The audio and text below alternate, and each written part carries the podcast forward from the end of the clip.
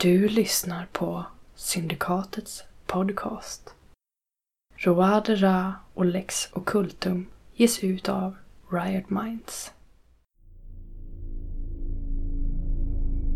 Det är inte i stjärnorna som vårt öde står skrivet, utan i oss själva. Citat William Shakespeare. Varje människa är skyldig för allt gott som hon inte gör. Voltaire.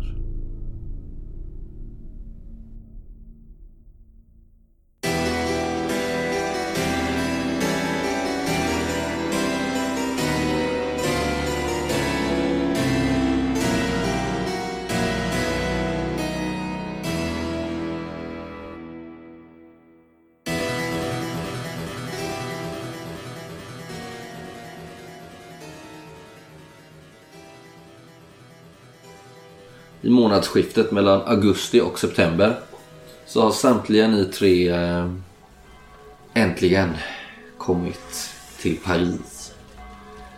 Casimirs Winters, Ghislaine Roucault och eh, Gerard Dufault. Och eh, alla ni tre rullar ju in, eller rider in, i Paris ungefär samma Eh, period. Och eh, den här myllrande staden öppnar ju upp sig för er.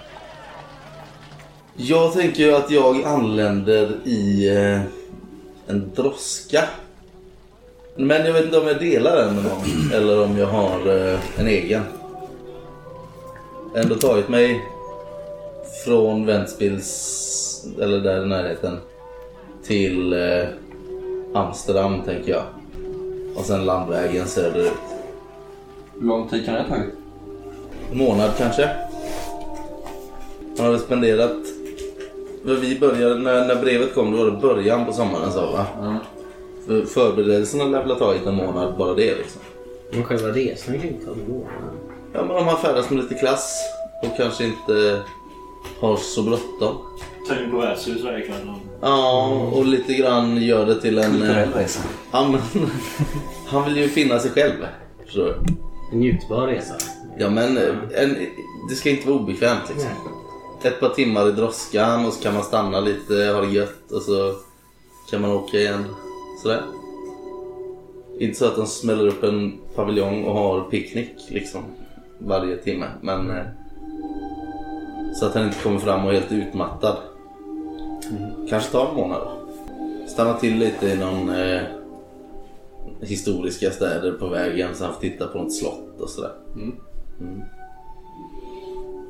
Och eh, resan eh, fördröjs ju också lite av det här eh, kommande kriget.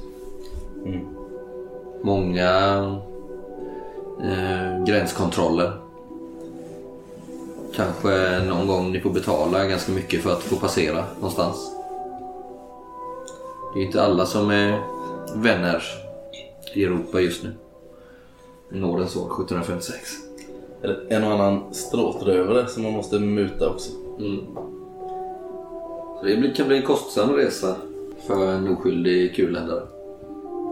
Men du har lite och... Jag hade den här... Du Jag hade i alla fall. Ja. Mm, du lyckades ta dig fram.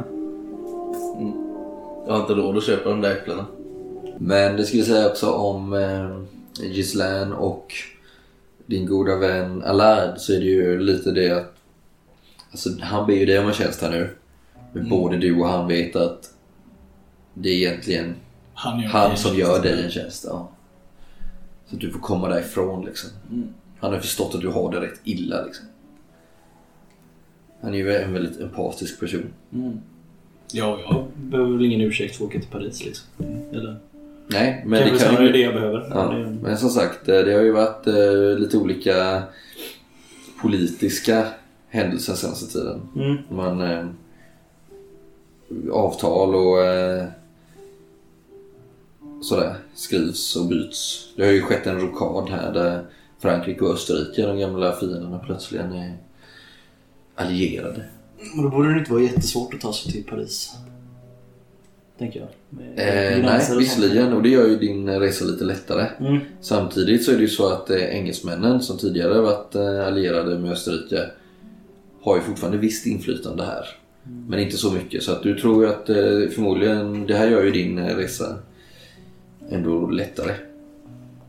Kom det, här, alltså det här landområdet, du är rätt säker på att Vallonien kommer ju snart bli franskt.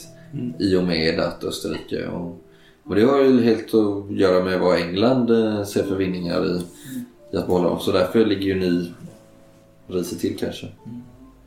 Österut sen finns ju Preussen med sin eh, otroliga här. Men ni har eh, allihopa, när ni kommer fram, så har ni redan eh, varit i staden ett par dagar. Casimirs, du har blivit eh, inackorderad. En liten våning har du fått. Ja, en liten våning i ett eh, trångt hyreshus. Är det nära Louvren eller? Mm, ja, kanske på andra sidan sen. Eh, nära en av eh, broarna där. Jag vet inte vilka broar det är. Pont Royal, Pont... Ja, men Eh. Royal blir jättebra. På sö- sydsidan av sen, men ganska nära floden. Jag vet inte om det ligger... Det är fina områden. Är det det? Mm, vad gött. Då är det perfekt där. Men det är inte kanske det finaste huset. Det är lite nedgånget. Och eh, är väl i behov av att rustas upp. Men det finns en liten balkong. Lyxigt nog. Så han kan gå ut där och, och eh, ställa sig och titta ut över eh, floden och, och nordsidan. Men det är nog inte mer än kanske tre rum sammanlagt. Ett sällskapsrum, ett sovrum och ett litet eh, för eh, husan då. Och eh, Casimirs eh, som är lite besatt av lite besatt av det här med renlighet. Eh, har väl gett den här husan ganska tydliga instruktioner och satt henne i arbete. Han vill inte att det ska komma in någon smuts från staden här liksom. Och har väl eh, sen han kom hit egentligen inte gett sig ut så mycket. Tror jag inte. Han har varit i ordning med att packa upp sina pinaler och, och sin garderob liksom. Eh, komma i ordning i, i lägenheten. Snarare än att ge sig ut och upptäcka Paris. Definitivt inte varit ute någonting nattetid. Nej, du är ju livsfara. Det är det enda jag har varit. Ja. En och annan, en och annan eh, promenad på förmiddagarna liksom. Du kanske har varit vid eh, Louvren och sett om det finns en möjlighet att eh, tala med någon. Mm. Men det verkar ju vara alltså ett eh, byråkratiskt eh, myrstack där just nu. Det är ju inte bara en akademi som inryms där utan flera. Och samtidigt så har de ju en väldigt stor konstsamling där. Samt att det fortfarande fungerar som kungligt palats emellanåt. Där man kan bo liksom och, och så. Så det är ju en, alltså en kulturell eh, men också administrativt centrum för hela Paris egentligen den här tidpunkten, Louvre. Eh, men eh, Mm. Jag tänker att jag och min kära DuPont har eh, sökt oss till de lite mer nordliga, ruffiga kvarteren. Eh, eh, inte kanske mitt i smeten, men lite närmre dem kvarteren. Och Jag vet inte vad du kallar dem. ja, du vet ju att de kallas för Mirakelkvarteren. Mirakelkvarteren. Ja. Det är det. Cour des Miracles. Sökte, vi sökte väl oss dit dels för att det antagligen var billigare att bo där. Men Ni bor nog inte mitt i. Nej, jag Eh, men i utan ni närheten. kanske bor i närheten, utkanterna. Eh, för att det förstår ju du med, eh, du har ju maktsfär fredlösa. Jo. Så du vet ju att man ger sig ju inte bara in där de inre kvarter- kvarteren. För där råder ju, Laglöshet. typ. ja, djungelns lag eller värre. Små mini gängledare liksom som eh, kvarterens strider. Det är svårt att samtala med, med folk där också för att de har ju nästan ett eget språk där. Slang. Ja, men jag är ändå lite kittlad av, av det så att jag håller mig i närheten i alla fall. Tänker jag. Mm. Kanske halvvägs mellan Louvren och, och det området. Hyrde, sa du att ni hyrde ett rum eller vad sa du? Nej, en, en våning fast ganska... Alltså sparsamt. Mm. inredd. Men det är ändå en våning så du gör av, antingen så bor du trångt och fint eller så har du lite större och lite billigare. Så du valde hellre att ha lite större. Ja. Och det är jättespartanskt inrett. Det är bara liksom några sängar och lite sittmöbler. Liksom. Det är inte så här flådiga tavlor och skit på väggarna. Liksom. Utan det är... Och du Ja, men har- lite, lite som mitt, mitt hus hemma. Liksom. Så sparsamt inrett men ändå fullt Mm. beboeligt. Är det ett av eh, stenhusen med eh, alltså, lite stuckatur och sådär liksom? Eller är det någon av träbyggnaden? Alltså tänk... Trä, träbyggnaderna billigare, Mm, tänker jag. Kanske stengrund och sen Ja. korsvirke. Eh, för det är liksom, det är inte intressant att bo flådigt. Så länge man, så länge man kan sova ordentligt och liksom, ja, inte frysa ihjäl över natten så är jag och DuPont. DuPont helt nöjda. Du har väl också varit på akademin kanske? Du Jag har, varit det bara där, jag har varit där varje dag och försökt få möte med Allard men det är ju tydligen helt omöjligt. Ja, precis. Det- Det finns ju knappt på kartan. Du har ju fått tala med eh, en eh, av hans eh, sekreterare typ. Men eh, inte mer så. Han har sagt kom tillbaka imorgon. Och så har vi då eh, Gerard Ja. Dufort. Jag tänker att jag, de gånger jag har varit i Paris så har jag sökt upp min gamla vän från universitetet, Philippe. Som numera är en väldigt framgångsrik köpman. Som lever gott och har mycket mer pengar än han vet vad han ska göra av. Ett, han, ett stor, eh, vad ska man säga, herrgård. Fast- Utanför stan eller? Nej men alltså en, han har liksom murar och grejer i, i staden. Som ett stort hus. Då bor han förmodligen, om han inte är typ greve eller kung som bor Nej, och har ett han palats ju- mitt i stan. Så har han förmodligen ett, eh, ett sånt lite i utkanterna då. Eller på Ja. södra, på Rivegårds. Där, Mm. alltså, eh, I sådana fall. Så han Men inte bor mitt inne i Man smeten. kan ta en droska dit tänker jag. Eller? Absolut. Han, eh, han uppskattar nog mitt sällskap och mina historier om, om mina resor. Och det räcker liksom. Vi gamla... Han skulle inte kunna neka mig. Det skulle vara väldigt... Han skulle liksom skämmas. Plus att han, han gillar mig liksom. Och ni har nu som sagt befunnit er i staden i ett par, tre dagar kanske. Eh, Och ni har redan börjat tröttna på den här svårigheten att få träffa dem som ni är här för att träffa. Eh, För det har du också upplevt eh, Gerard. Att, eh, till, din, till ditt förtret så, eh, så är det ju så att eh, det verkar ju knappt vara någon av de här medlemmarna i eh, Resins akademi som var på plats. För att de syns tydligen bara eh, någon dag i veckan kanske. Eh, sådär. Men någon har sagt dig att Resin inte längre kommer till akademin. Sedan han... eh, Ja, det var någon familjetragedi, du vet inte. De, har, de är så stressade och egensinniga de där författarna. Han är en författare. Ja, han är ju... eh, Och du kan ju säga till dig, som du har ju så högt till det, men Racine, Jean Racine, eh, alltså han, alltså Louis Racines far, Ja. är ju en av, ja, fram till dags dato en av tidernas största dramatiker. Samtida med Molière. Som skrev eh, för, för gamle kungen. Louis XIV, alltså Solkungen. Så Ra- Racine är ju en av de eh, allra största. Ett av hans största verk är eh, Fedra. Men eh, den här... Men alltså han, eh, är han vid liv Han är död sedan länge. Men eh, Louis är ju, han är också gammal. Jaha. Han har ju egna barn, vuxna barn och sådär. Liksom. Ja, okej. Så han är också gammal eh, på ålderns höst. Men invald i akademin på egna meriter. Du har säkert läst kanske vissa av hans eh, dikter. Så han skriver också drama? Ja, mest eh, dikter faktiskt, poesi mest. Ja, okej. Ja, då kanske jag... Det kanske min fru mest har pratat om hans grejer. Eh, och för dig eh, Ghislaine som sagt så får du bara träffa Didier Dussault. Didier. Du är sekreterare. Ja. Och han har ju sagt det, men jag kan se till att du blir inkvarterad på något eh, fullgott värdshus här. Men det har du redan styrt upp själv. Och du Casimir. Eh, Du har också blivit ombedd att vänta, vänta och vänta. Och ingen vet riktigt vem som är ansvarig för de här utländska affärerna. Eh, Och dessutom så ligger det krig för dörren och man vet inte vem man kan lita på. Det gäller att vara nog... Man kan inte vara nog försiktig. Ja, om du har nämnt den här Fredrik Busson som nämndes i ditt brev.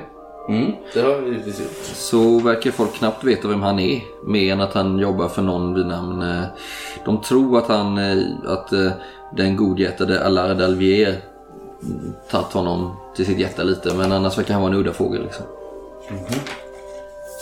Men denna dagen så blir ni eh, till slut mottagna på Vetenskapsakademin. Men då är det sent på eftermiddagen och eh, torghandlarna har eh, packat ihop sina varor här utanför. Hantverkarna stängt sina verkstäder. Visserligen är många, har många på akademin gått hem. Men ett strålande ljus från många av fönstren avslöjar att det pågår ett flitigt arbete ännu. Ett arbete om förnyelse, förändring. Och ett arbete Men som hur- hur just har länge- börjat och aldrig ska ta slut. Hur länge har det fått vänta nu då? Är det liksom två dagar? Två, tre dagar. Ja, men... eh, Och Louvren är ett storslaget palats. En gång i tiden byggdes det som ett försvarsverk mot eh, härjande vikingar. Men blev eh, senare ett kungligt palats där de franska regenterna huserade i generationer. Fram tills den förre kungen, Solkungen Louis XIV, lät bygga Versailles. Eh, Och nu är Louvren som sagt en institution för kulturbärare av det förnämsta slaget. Men även för makthavare då såklart. Och här huserar akademiker, konstnärer av alla slag, vetenskapsmän, naturfilosofer, dramatiker, poeter, historiker, språkvetare, upplysningsmän och teologer. Och det ligger i stadens mest storslagna och centrala område. Likt en delikatess i ett hav av mögligt bröd. Det är ett mästerligt byggnadsverk både i stort och smått. Detaljerna, stuckaturerna, statyerna som pryder de här gulbeiga fasaderna, de är verkligen utsökta. Samtidigt som den större symmetrin är dragen till sin yttersta spets i arkitekturens alla moment. i ett palats skapat med gudomliga proportioner. Det är i alla fall det ni hör folk säga. På höger sida, om ni står med ansiktet mot eh, Louvren, så eh, flyter Seine. Och eh, framför Louvren, här, eller nedanför, så sträcker sig Tualiers eh, trädgård ut sig i ett vackert och strikt geometriskt parklandskap. Där man lyckas med det, med det stora höga just nu. Att tvinga naturen på knä. Inför människans disciplinerande kreativitet. När ni kommit in här nu då, i de här höga guldbeklädda salarna, så kan ni se alla de modernaste mätinstrumenten. Det är såna här enorma mekaniska tellurium heter det på svenska. Orreries säger man på engelska. Alltså planeterna Jaha. i eh, mekanisk omloppsbana eh, som svävar här och jättestora jordglober som mäter kanske tre män på höjden. Det är eh, uppstoppade djur, mängder av böcker och skrifter. Alla som rör sig här är givetvis män. Eh, de flesta medelålders män. Alla har de eh, dyra livrockar, upptagna blickar, vita peruker. Vissa klär sig i rober. Nästan sådana som präster bär. Vilket signalerar då att de har eh, något specifikt ämbete. Ni ser en härjad man i, i grön sån här kåpa eller rob stressa förbi. Och ni hör någon viska Titta! En av de, en av de odödliga. Och du vet ju Gerard att eh, de odödliga, eller eller Immortels, eh, det syftar på medlemmarna i den franska akademin. Alltså den för språk och litteratur. Där Yasin sitter med dem. Vars eh, motto är eh, till evigheten.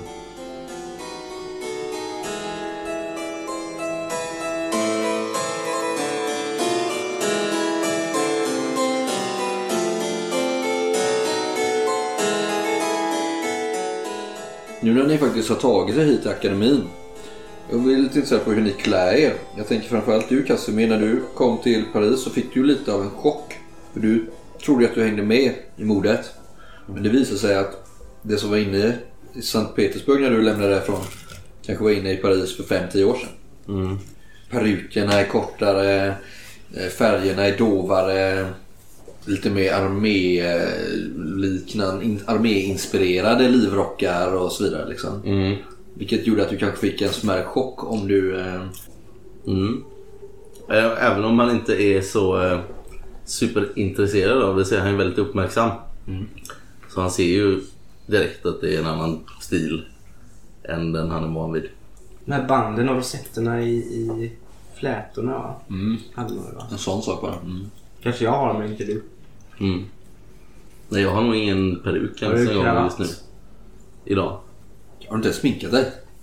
Jo, om, om jag visste liksom, om jag visste att jag skulle hit. Om Ja, jag visste att jag skulle få komma in så har jag ju sneglat till mig men kanske inte Kanske valt bort peruken liksom i och med att Men nu fatt, är det Vetenskapsakademin eller Franska akademin? Nej, nu är ni på Vetenskapsakademin.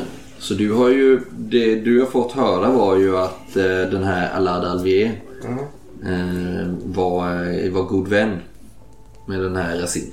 För han var på Franska akademin. Ja, för han var på franska. Det var min stämpel. Ja. Ja. Men så du har väl fått chansa dig vidare liksom? Men de är grannar liksom. Ja, de bor i samma byggnad. Ja, det känns ju... Så du tog din chans här lite och så du hörde namnet Alvier och det var han du hade hört någonting om och mm, ja. Eh, och ni eh, står här, ni blir ihopsamlade ni tre i en grupp om, eh, sätter er fem till, lite yngre män.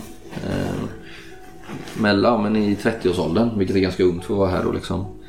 Eh, och Didier de Sout som känner dig sedan tidigare, Gislaine. Eh, fasar ihop er och säger så så så. Timmen är sen men ni, ni ska få ni ska få träffa Allard. Han har eh, Mm. A- Allard. Eh, Allard Alvier. Han har... Eh, Ja, det var väl på tiden. Ja, ursäkta eh, väntan. Eh, Bäste Roko, herr Roko. Eh, men, men alla nyanlända eh, som sedan är ska först få träffa Louis de Bourbon. Eh, vår eh, kanslipresident här på Vetenskapsakademin. står och skruvar på mig lite ängsligt. Jag ser irriterad ut. Och ni blir invisade tillsammans med de här andra fem eh, rekryterna kan man väl kalla dem eh, till eh, Louis de Bourbons kontor. Vad var han? Så Eh, kanslipresident. Och eh, vad har ni i eh, kultur? Bara allmänt. Ja, med lämpliga förare. Så om ni känner igen namn, ni känner säkert igen namnet Bourbon. Är ju en eh, adlig, för att säga kunglig släkt. Eh, Jag har fyra. Åtta. ja, men alla, alla känner ändå igen namnet Bourbon. Så vet ni inte vem Louis de Bourbon är, men namnet Bourbon. Det är ju som sagt, det är ju en... Eh, inte lika stort som Habsburg såklart, men... Eh, inte många pinnar nedanför liksom. Ni, blir, eh, ni kommer in liksom i ett eh, storslaget eh, komplex eh, bestående av flera stora rum som är hans... Eh, allting räknas under Louis de Bourbons kontor då förstår ni. Eh, och här sitter det allvarliga äldre män med stora liggare framför sig på sina skrivbord.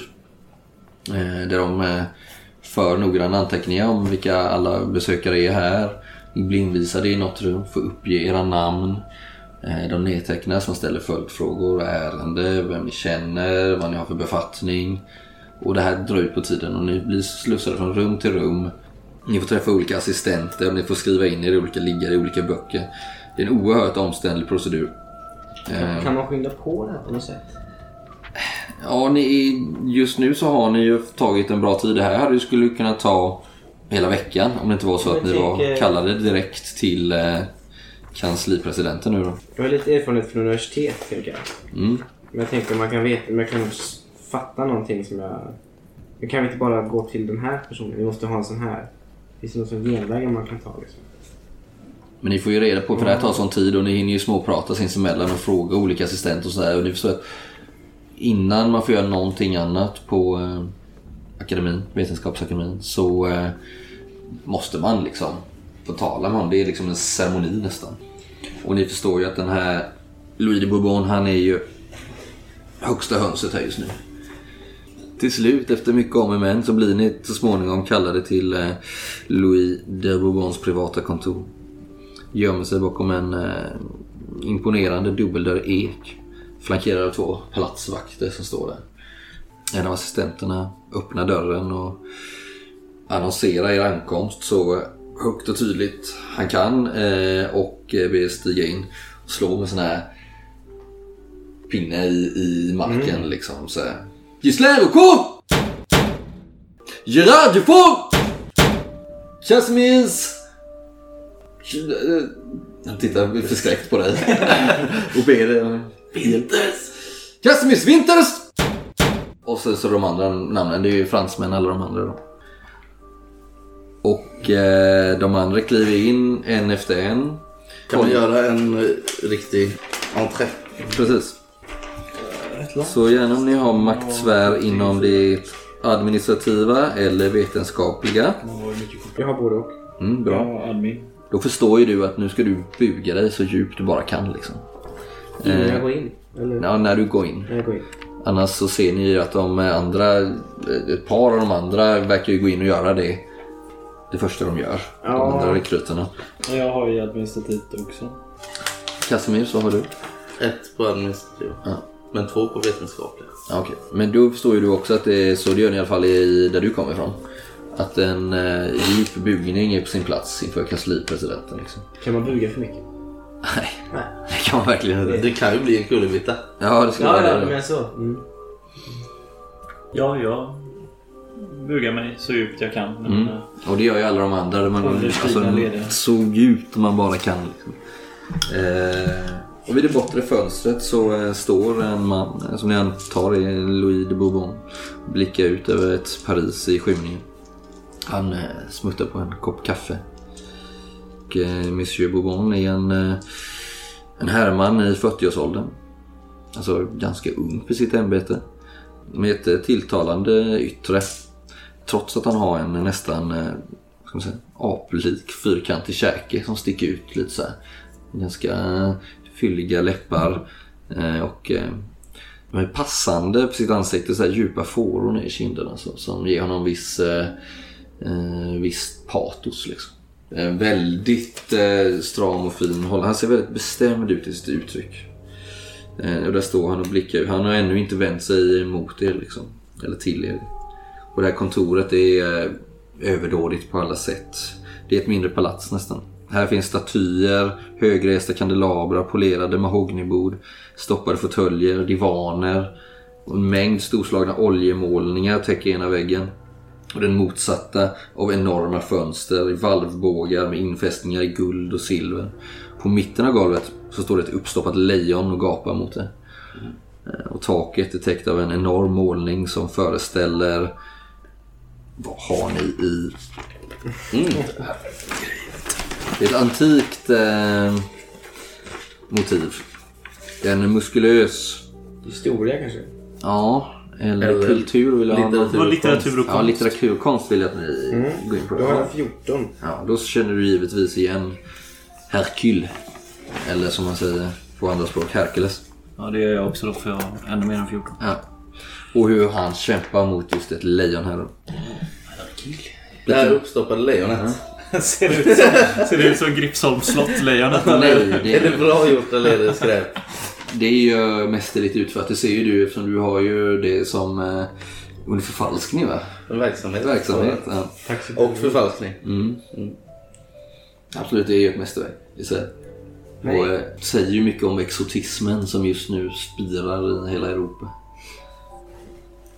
Men har vi bugat färdigt nu? Ja, ja visst. Och ni säger För han tittar ju inte ens på Nej, men det kommer fram en, eh, en betjänt här nu och häller upp lite mer kaffe åt eh, kanslipresidenten. Som vänder sig om och tittar på er rekryter. Så så, stig fram ur skuggorna. Jag tycker inte om folk som lurar i skuggorna. Man vet aldrig vad de har för dålig agenda.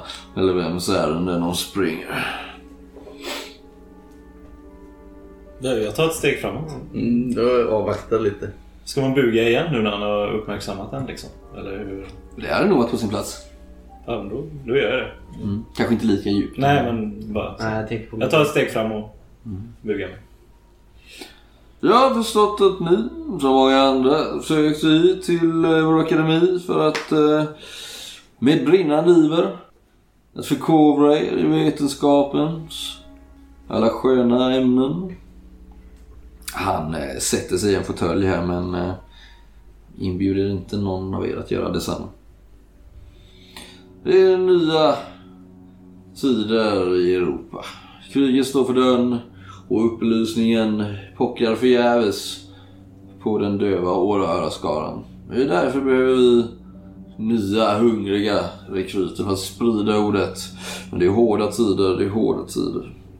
En betjänt börjar duka upp ett bord med mat här. Han sätter sig till bords utan att bjuda in er. Och eh, efter att ha pratat lite om eh, vetenskapens tuffa uppgift, men ack så viktiga. Så eh, ja, börjar han att eh, dinera där. Under tystnad. Och eh, rekryterna får snällt vänta.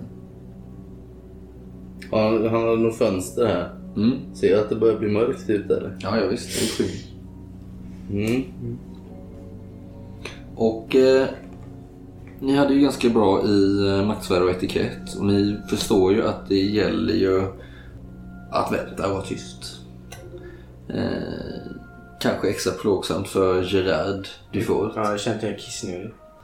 Jag, jag är ju van vid att stå stilla och inte säga någonting innan, alltså så här, Mm. genom att stå och vakta och sånt liksom. Så jag stålsätter mig bara och väntar liksom.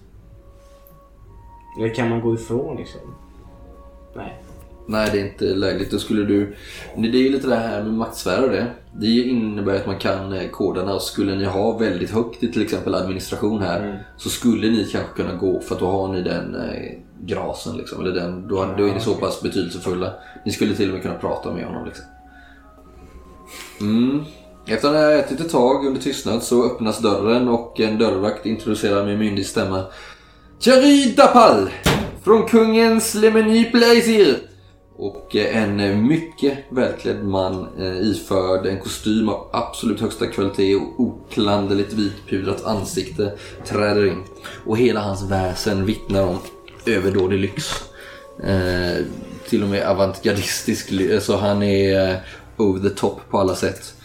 Eh, och han eh, svänger lite med händerna och går verkligen med sin eh, näsa i vädret. Han är lång, gracil och ja, går med sin ja, höknäsa skulle jag säga i vädret på ett sätt som eh, i alla fall eh, du eh, Gerard uppfattar och du kanske också Casimir alltså, som väldigt konstlat. Ja, kom in där och eh, kultur. Administration. Vill jag ha ett slag på nu. Mm. Se om ni... Eh, svårt för dig kanske Casimirs. Jag har snappat upp lite på vägen men... Eh, Varför? Eller vad? för att jag vill veta om du vet vem han är bara på att höra hans namn. Vad hette han sa Men du? jag slår ju jävligt bra alltså. Ja, Okej, men då kanske du lägger ihop ett och Jag ett. vet inte vem det är. Thierry Dapal. Eh, ja. Ja, men både eh, Ghislaine och Casimirs faktiskt eh, förstår att eh, det här är... Eh, han är ansvarig för kungens särskilda avle- avdelning för eh, nöjesarrangemang, fester, baler, teaterföreställningar. Och eh, han utstrålar allt det som förväntas utstrålas av en sådan person. Och ni ser hur Louis de Bourbon, han fullkomligt flyger upp ur stolen och bugar sig djupt inför sin gäst. Och de utbyter en mängd artighetsfraser och eh, kysser varandra på kinden. Och, eh, "Om- nu ska du få höra eh, Louis vad, som, vad, vad, vad konungen har för planer. Det ska nämligen bli en stor ball. Det kommer vara fantastiskt. Ja, och han har en sån där peruk som sträcker sig upp mot taket. Liksom. En, en liten fågel, eh, uppstoppad fågel sitter i håret på honom. Han är over the top på alla sätt. Och, eh, Louis de Bourbon, han med en enkel rörelse, handrörelse så vill han att ni avlägsnar er. Så. Schasar han ut det med, Jag med ett par fingrar. bu- bugar mig innan jag går. Som. Vi har stått här och väntat i typ en timme och varit kissnödiga. Ja. Nu får vi bara gå ut. Men! På väg ut så äh, möter ni ett för dig Ghislaine bekant ansikte. Eh, din gode vän Allard stressar fram. Åh, oh, Ghislaine! Ghislaine! Allard! Jag möter honom i en... Kanske lite så... Oh, oh. Kanske inte en sån kram man ger någon i, den, i de här tillfällena men jag... Att det vara på det. kindpussar. och- Ja, nej men det är en sån broderlig... Mm. Broderligt omfamnande. Ja. Oh, Ghislaine och, och, så, och ni andra rekryterna står ju också där. Ja, jag, jag har haft så mycket att göra. Allard han är en man i 50-årsåldern. Han ger eh, direkt ett vänligt men ändå intelligent intryck. Han eh, har små eh, glasögon som sitter så här på nästippen. Eh, svettdroppar i sin pudrade panna. Han är något rundlagd eh, men ändå inte fet liksom. Ja, det blir ett kärt återseende. Ni ser där mellan Gislaine och Allard. Och... Ja, ja, eh, ni, eh, ni får ursäkta här, men jag eh, ska tala i enrum med Gislaine och sen var det en, eh, en Monsieur Winters och en eh, Monsieur Dufort. Ja, det var jag. Eh, ni, ni, ni andra her- herrar får ursäkta. Jag, eh, ni ser han bär ju på en bunt med manuskript eh, och olika böcker under armarna. Till- mitt kontor. Så ni andra, ni får, ni får ursäkta. I, imorgon är en, eh, en bättre dag eh, för, för er. För er. Flina lite åt de andra.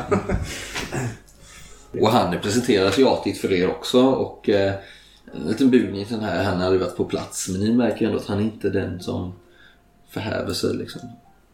Eh, ni följer honom. Eh, det, hans kontor ligger högst upp i den här byggnaden. Eh, det är lika storslaget som allt annat i den här byggnaden. Och ett eh, präktigt mahognybord står placerat i bottenänden av rummet. Flankerad av två enorma bokhyllor från golv till tak. En eh, orientalisk matta breder ut sig i all sin prakt. Täcker det eh, annars blank blankpolerade ekgolvet. En kalkstensstaty i naturlig storlek föreställande den grekiska gudinnan... eh, Mm, just det. Det är en grekisk gudinna i alla fall. Vad har ni i...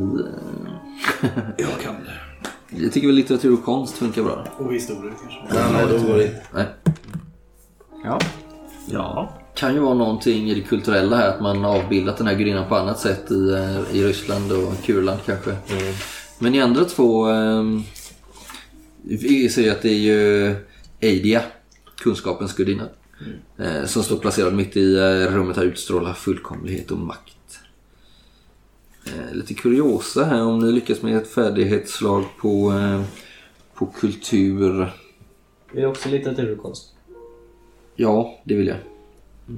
Ja, man får... Ja. Kör så. Men du lyckas. Ja.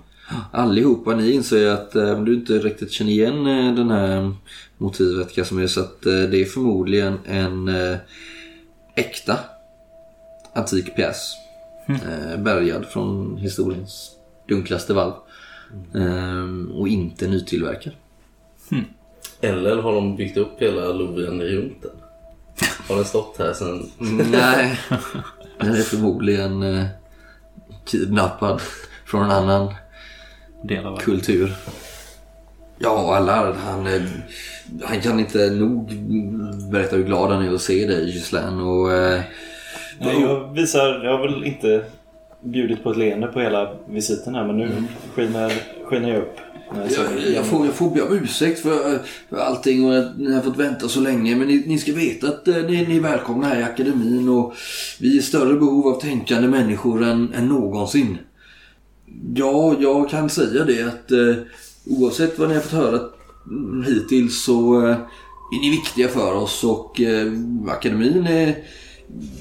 Ja, vi är beredda att ge bra betalt och bra vitsord för framtida anställningar om ni... Eh, om ni, ja, hjälper till här. Jag har ett ärende som, ja, han pekar på en hel hög med papper här och säger om ni visste, arbetat ett helt år här eh, med, med bara den här bunten. Det är ja, trehövdade kor, gossebarn som föds med svans, allehanda missbindliga. Ikoner som osar svavel och folk som har sett djävulen åka vagn genom staden. Två bröder som kommit hem från en resa från Orienten och säger sig ha mängder av information. Och därtill en mängd medicinska experiment på både djur och människor, astronomiska och matematiska teorier. De behöver verifieras och dokumenteras. Han tar upp en mapp i högen. Nu skiner eh, Casimir upp lite för första gången sedan han kom också. in Han är på här. väg att börja skälla ut honom. Han, är- ja, han tar upp ett, eh, en mapp här ur sin hög, kan vi, mapp kan vi kalla det, någon typ av dossier. Någon eh, säger att han har sett en livslevande Volpertinger. Ja, det är alltså... Eh, slå där för din eh, specialisering. Det är exakt det här du har hållit på med. Jag vill också slå. Jag är inte skitbra på det för det. Nej, men jag tänker att han får slå på sin verksamhet här med det. Jaha. Jaha, ja då går det bra. inget övernaturligt. Ja. Ja, det är ju hälften hare och hälften tjäder och små renhorn på huvudet. Det känner du ju igen. En skväder, skvader. Ja, exakt. Fast det är ett annat ord på den. Han skrattar lite nu. Ja, jag menar om det vore sant. Vem vill inte se en sån? Herre min gud, vem ska hinna med allt sånt här? Men får jag avbryta dig, Allard? Louis Racine. Ja, Var är han? Ja, min gode, gode vän Louis. Han har tyvärr dragit sig tillbaka på obestämd tid. Va? Han, eh, ja han, du förstår. För det är ni som är Monsieur Dufault. Ja, jag, eh, det, det är nämligen så att bara dagarna efter att han hade skrivit till er i det här ärendet så drabbades han av en förfärlig eh, olycka. Ja, den första november förra året så, eh, ni känner ju säkert till eh, den, den, eh, ja, vad ska jag säga, infernaliska händelsen i Lissabon. Vände upp och ner på hela stan. Och det jordbävningen. Ja, där förlorade min gode Louis eh, sin, en av sina söner och dennes fru. De var där på bröllopsresa. De firade sitt bröllop. Och eh, strök med båda två. Detta tog mycket hårt på, eh, på, på den gode Louis. Han är en, han är en sann han är en sann familjeman. Mm. Ska ni veta. Och eh, efter det så eh, har han dragit sig tillbaks till sina ägor i de södra delarna av landet. Men han hade inte glömt sina åtaganden utan han... Jag vet- fan, vad gör jag? Sätt er ner mina vänner. Ta, här, ta ett varsitt glas vin. Åh, äntligen. Bara så att vi kan säkerställa här att jag inte är på fel plats. Eh, Monsieur Alvé. Ja. Jag fick en inbjudan från en Fredrik Busson. Ja, jag ska komma till det. Jaha, Eh. då sätter jag mig. Ja. Ja, jag dricker vin. Det är ju så att allt det här som jag har visat er, det skulle jag ju tagit tag i själv. Eh, och det vill jag göra också. Och jag har ju till min hjälp den gode, eller ja, eh, Monsieur Bousson. Han är ju den som kan hjälpa mig med, med lite av det här. Men han är ju försvunnen. Vad säger ni? Förstår du Casimir? Ja. Så, eh, och det är ju därför jag har eh, kallat hit eh, min gode vän Gislaine. Från eh, det fjärran Vallonien. Inte så fjärran men ändå.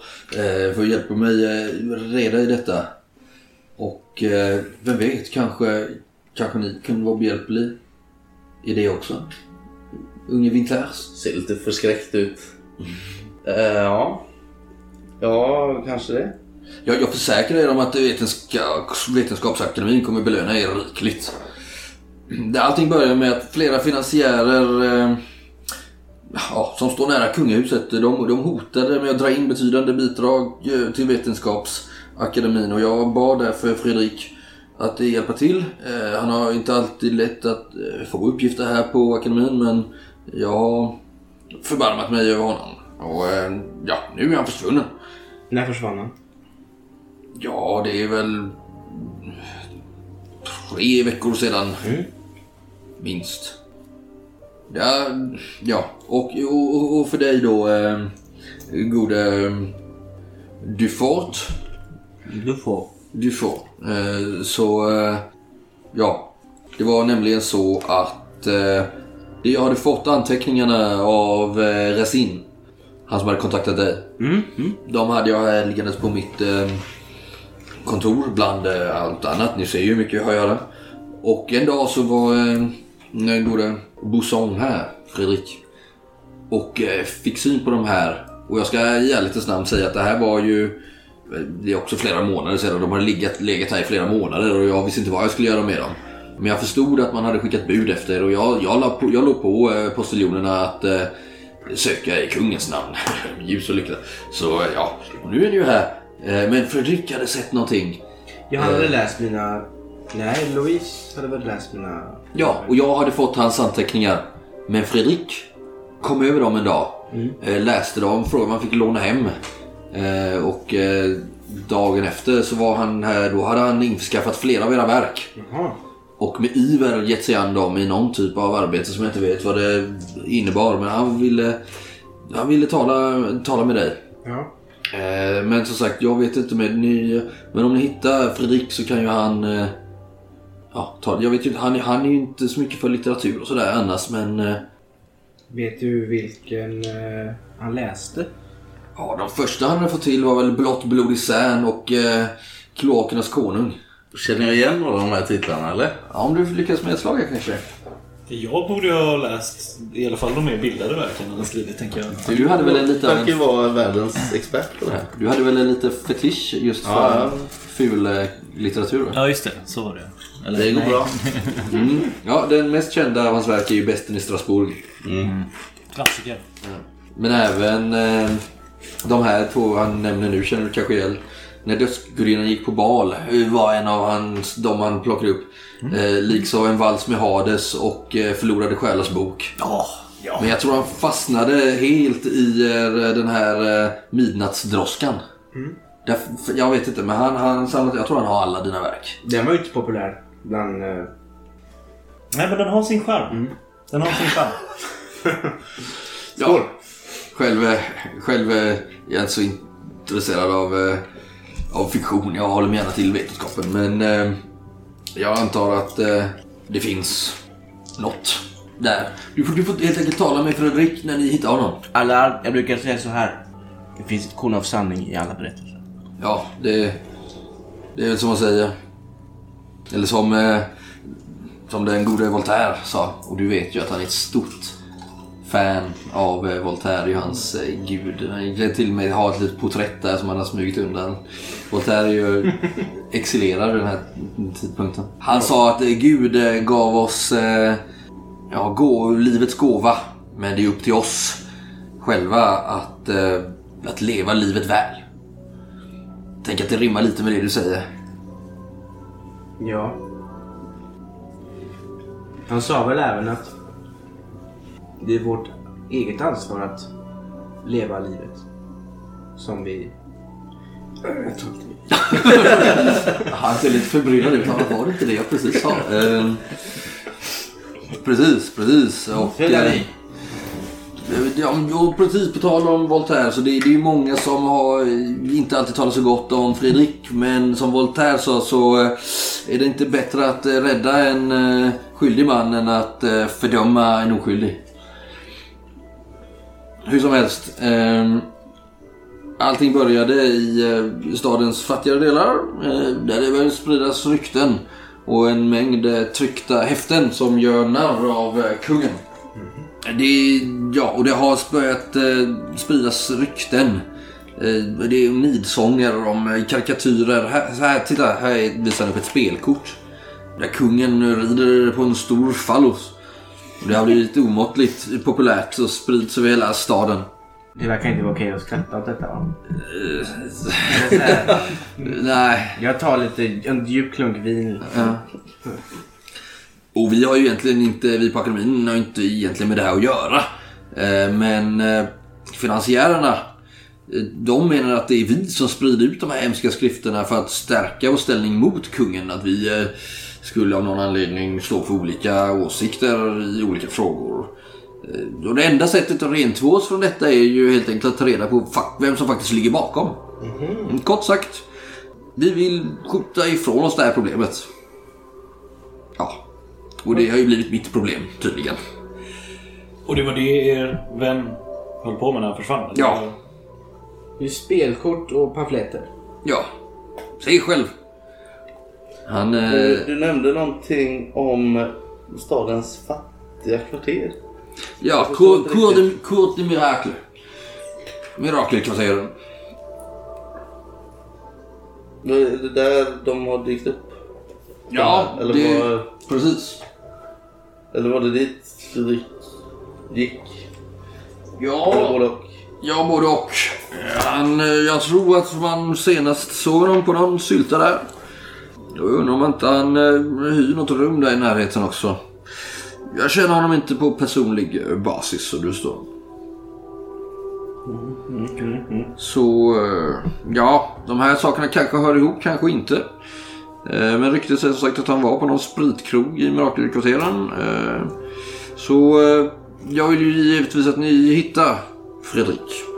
Men kanske också ta reda på mer information om det här häftet som sprids. Och dess ursprung. Så vi får gå stopp på det. Får jag kika på den där lite? Jag tar en sån pamflett. Ja. Alltså, kan jag, men jag måste ju kunna bedöma kvaliteten på det liksom. Mm. På hur, alltså är det tryckt hemma i en källare eller är det liksom... Är det, det bra kvalitet eller är det handskrivet? Nej, det är ju liksom- tryckt. Det är tryckt. Med en bokpress eller liknande. Ja. Eh, Tidningspress eller... Och hur Ja. många sådana kan det finnas i Paris? Vad sa du? Hur många bokpressar kan det finnas i Paris? Frågar du alla? Nej, jag tänker om jag vet det. Alltså finns det 10 eller 100 eller 1000? Det är liksom en sån... Ja, okej. Ja, snarare... Men det finns ju ganska mycket tryckerier, alltså sådär. Men sen hur stora eller små de är. Det finns ju en del stora. Eh, Man har precis släppt encyklopedin liksom. Eh, Första Denis Diderots stora verk. När kom egentligen boktryckarkonsten? 1400-talet. Okej. Gutenberg. Men nu har man ju sådana pressar då där man byter ut typerna liksom som det heter. Så de är fortfarande hyfsat primitiva. Men du kan ju ändå trycka väldigt mycket. Säg att det skulle kunna finnas kanske, det är jättesvårt att säga, det är så större. Tio större förlag kanske och så finns det säkert privata då. Men det finns nog ingen lista. Du kan ju bygga din egen om du har högt i teknologi. Men det är väl förknippat med ganska stor risk också. I och med att det, Verkligen. det finns ju ingen tryckfrihet. Nej, Frankrike är ju censuren stenhård liksom. Ja, alltså spåras det tillbaks till det att du har tryckt någonting som du inte borde ha gjort så är det ju kört. Ja, absolut. Så därför är det väl mer troligt att det är någon som inte har så mycket att förlora som har... Har ni undersökt pamfletterna eller någonting? Eller är det... Ja, så efter förmåga. Vad, vad menar du gode Gislaine? Nej, efter något som kan känneteckna alltså tryckaren eller maskinen som har använts eller någonting. Var pappret kommer ifrån. Vad... Nej, det är så... Eh, ni, men ni får gärna försöka göra det. Om det går. Hur gör vi med anställning och kontrakt? Ja, det skulle vi absolut eh, kunna underteckna här på plats. Han tar fram eh, lite för, färdigskrivna kontrakt. Där han, ni kan gärna fylla i era namn här. Eh, det handlar, verkar ju handla då om det som står att han ger en sån tillfällig eh, anställning. Tills vidare. Ja, mot en eh, överenskommen betalning. Och när ska denna utlysas? Ja, så fort ni har signerat avtalet och jag har gett det till, till administrationen här. Ni får gärna börja jobba. Som sagt, Fredrik är orolig för honom. Så se gärna att ni börjar arbeta så fort ni kan. Jag vet att du är otålig Gislaine. Ja, det är... Jag har varit i stan i flera dagar nu. Monsieur Alvier. Ja. Det, det är så att jag har en fru hemma som är i behov av lite pengar. Jag har varit borta länge. Självklart. självklart. mina arbeten. Eh, jag ser gärna någon form av förskottsbetalning. Förskott, ja. Eh, det är ovanligt, eh, men eh, det ska ju gå ordna. Ja. Absolut. Jag vill ha det skriftligt. Självklart. Själv, själv, självklart. Du är ju en eh, pennans man, eller hur? Det är... säger jag inget själv om, men eh, ja. Mm, jag påminna dig om eh, Voltaires ord att att hålla i penna är att vara i krig. Så är det. Men vi ska kriga för eran sak i detta. Jag tror nog att jag kan vara till hjälp. För visst är det som Voltaire säger att eh, varje man är skyldig för allt gott som han inte har gjort. Ja, jo, så är det ju. Så är det ju. Den här Fredrik Bosson, han bo, bor han inte? Han bor väl inte i Mirakelkvarteren? va? Jag är rädd för det, men jag vet Gör det. inte. Jag vet inte Du hans... har inte eh, hans adress. Nej. Vem kan ha det? Akademin det. Måste de ha. Nej. Ja, han har ju flyttat en del. Mm, Jag är rädd för att vi hade en som när vi var där och eh, knackade på så bodde han inte längre där. Och var han nu bor, det är okänt för mig. Har han någon eh, god vän? Eh, Kanske någon mademoiselle? vet ej. Men som Voltaire sa så är ju vänskap eh, ett, eh, ett, ett själens giftermål. Ett, och ett, eh, ett giftermål som inte är öppet för skilsmässa. Ja, precis. Den typen av vänner så som jag och eh, Ghislaine är. Det tror jag inte att Fredrik hade någon. Eller har. Alltså ni... Eller va? Ja, vi har känt varandra i snart 20, 20 år. Så att... Det är en av mina äldsta och närmsta vänner. Han skriver väl en liten summa där. Ja, snälla. Och... ehm, jag slår en eh, ett slag här då. Eh, och nu är det då samhällslära administration vill jag förstå, eller hur? Eller ekonomi kanske? Ekonomi vill jag att du slår på. Nej, jag slår 12 då. Jag slår 16. Det är ju ärlighetens namn en summa eh, som förmodligen överskrider de lönekuvert du har fått hittills. Men du vet fortfarande inte om den är lämplig eller vad ska man säga, om den eh, motstår det jobbet ni faktiskt ska göra liksom. Nej. Det är omöjligt för er att säga. Men han ger ju det, det är ju på förskottet då liksom. Men jag vill ju bara veta, hon får lite pengar. Hon kan Ja, lugna sig. ja, men det här är ju det är ju en bra summa. Som sagt, det är mer än vad du har fått tidigare. Men jag har någon... Ja. Mm. Det kan vara lite för lite. Det är typ det jag tänker. Eller? Ja, det är snarare så att du vet ju inte vad det här innebär riktigt, det ni ska göra och du är så här, Samtidigt vill du inte se dum ut heller här nu. Nej, liksom. precis. Eh, Ja, ja, det ser bra ut. Ja. Ta lite mer vin. Mm. Erbjuder det nu. Ja, mina vänner. Jag samlar in de här kontrakten som jag antar att ni har skrivit på nu. Då. Ja, ja. Jag... Eh, timmen är sen och jag ska inte uppehålla er längre. Själv måste jag hem och få mig ett par timmars sömn innan eh, nästa dag väcker mig. Är det någonting mer ni eh, undrar? Ja. Om vi ska ta oss in här igen utan att gö- göra om den här proceduren som vi var med om idag. Ja, det kan jag försäkra er att det ska inte bli något problem. Ibland så sitter jag givetvis i möten eh, och som inte alltid är lämpliga att avbryta. Men eh, eh, tala med eh, Didier. Du så. Du, du är väl bekant med honom vid det här laget, eh, Gisela. Mm, mm. Så borde jag kunna vara er eh, till hjälp inom ett par timmar i alla fall. Det finns, Gott. Det finns inget eh, form av sigill eller något vi kan visa för att få tillträde. Mm, jo, men jag vet inte om de skulle vara er till gagn i mirakelkvarteren. Nej, jag tänker om vi återvänder till Louvren Ja, jo, självklart. självklart. och eh, vetenskapliga. Du har ju ditt kontrakt, inte sant? Ja, då är det det som gäller. Ja. Ja. Bär eh, vår stämpel. Du har en rekommendation från eh, moi. Très bien. Oui. Bonsoir, mes amis. God natt. Bonsoir. Bonsoir. Och, och glöm inte att eh, vanligt förnuft är inte så vanligt. Som säger så. Adjö. Adjö. Ja, lite skärrad och så här, eh, jag vet inte vad vi ska kalla det, men eh, lite uppjagad. Så eh, börjar väl Casimir bara leta sig ut därifrån. Halt! Vänta med Börjar gå iväg åt ena hållet. Lite vilse. Monsieur Casimirs... Eh, ja, Winters... Vad så? ja, just det. Vart ska du? Jo, det börjar bli sent. Ja. Det kanske är dags att Men vänta lite. att vända hemåt, tänkte jag. Nej, Men- Men... får du vänta. Kanske vi ska sluta någon form av... Träffas någonstans imorgon där vi kan diskutera mer. Vi ska ju trots allt jobba tillsammans. Ja, visst. Fortsätter gå lite, Nej, men- lite för strött. Vad hette han? Winters. Vi- Winters! Ja, Tillbaka. Vänta lite. Det är ju frustrerande hur felaktigt de uttalar ditt namn. det gör inget. Jag börjar gå tillbaka. Vi måste ju stämma träff. Ja, just det. Eh, jo, det är klart. Så vi kan eh, arbeta. Var kan vi ses då? Jag hittar inte så bra. Vi ska... Jag tänker... Eh, står vi liksom ostört eller? Det står ju lite sådana här palatsvakter. Alltså liknande de som man har på eh, Kungliga palats. Här och var. Posterade utanför olika dörrar och sådär. Så titta lite på er nu liksom. Där. Vi kan gå. Vi kan... Vi har väl inte så mycket att gå på förutom den här mirakelkvarteren, eller? Ja, jag brukar äta frukost på ett café som inte är så långt ifrån Mirakelkvarteren. Så vi kan, kan mötas där. Hittar du dit?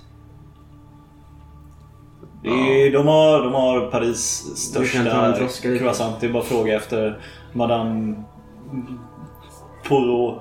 De är kända för sina jättecroissanter.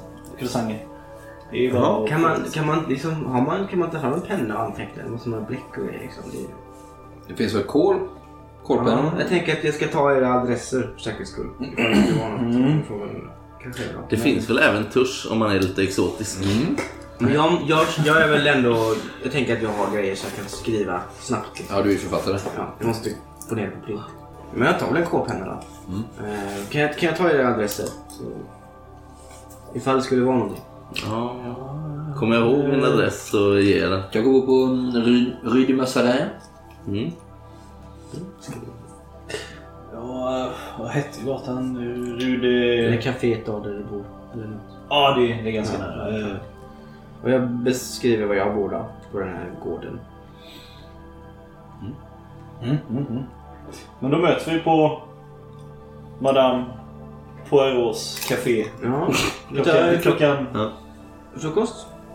ja, en tidig lunch. Vi har lite att kanske ska diskutera lite innan vi ger oss iväg.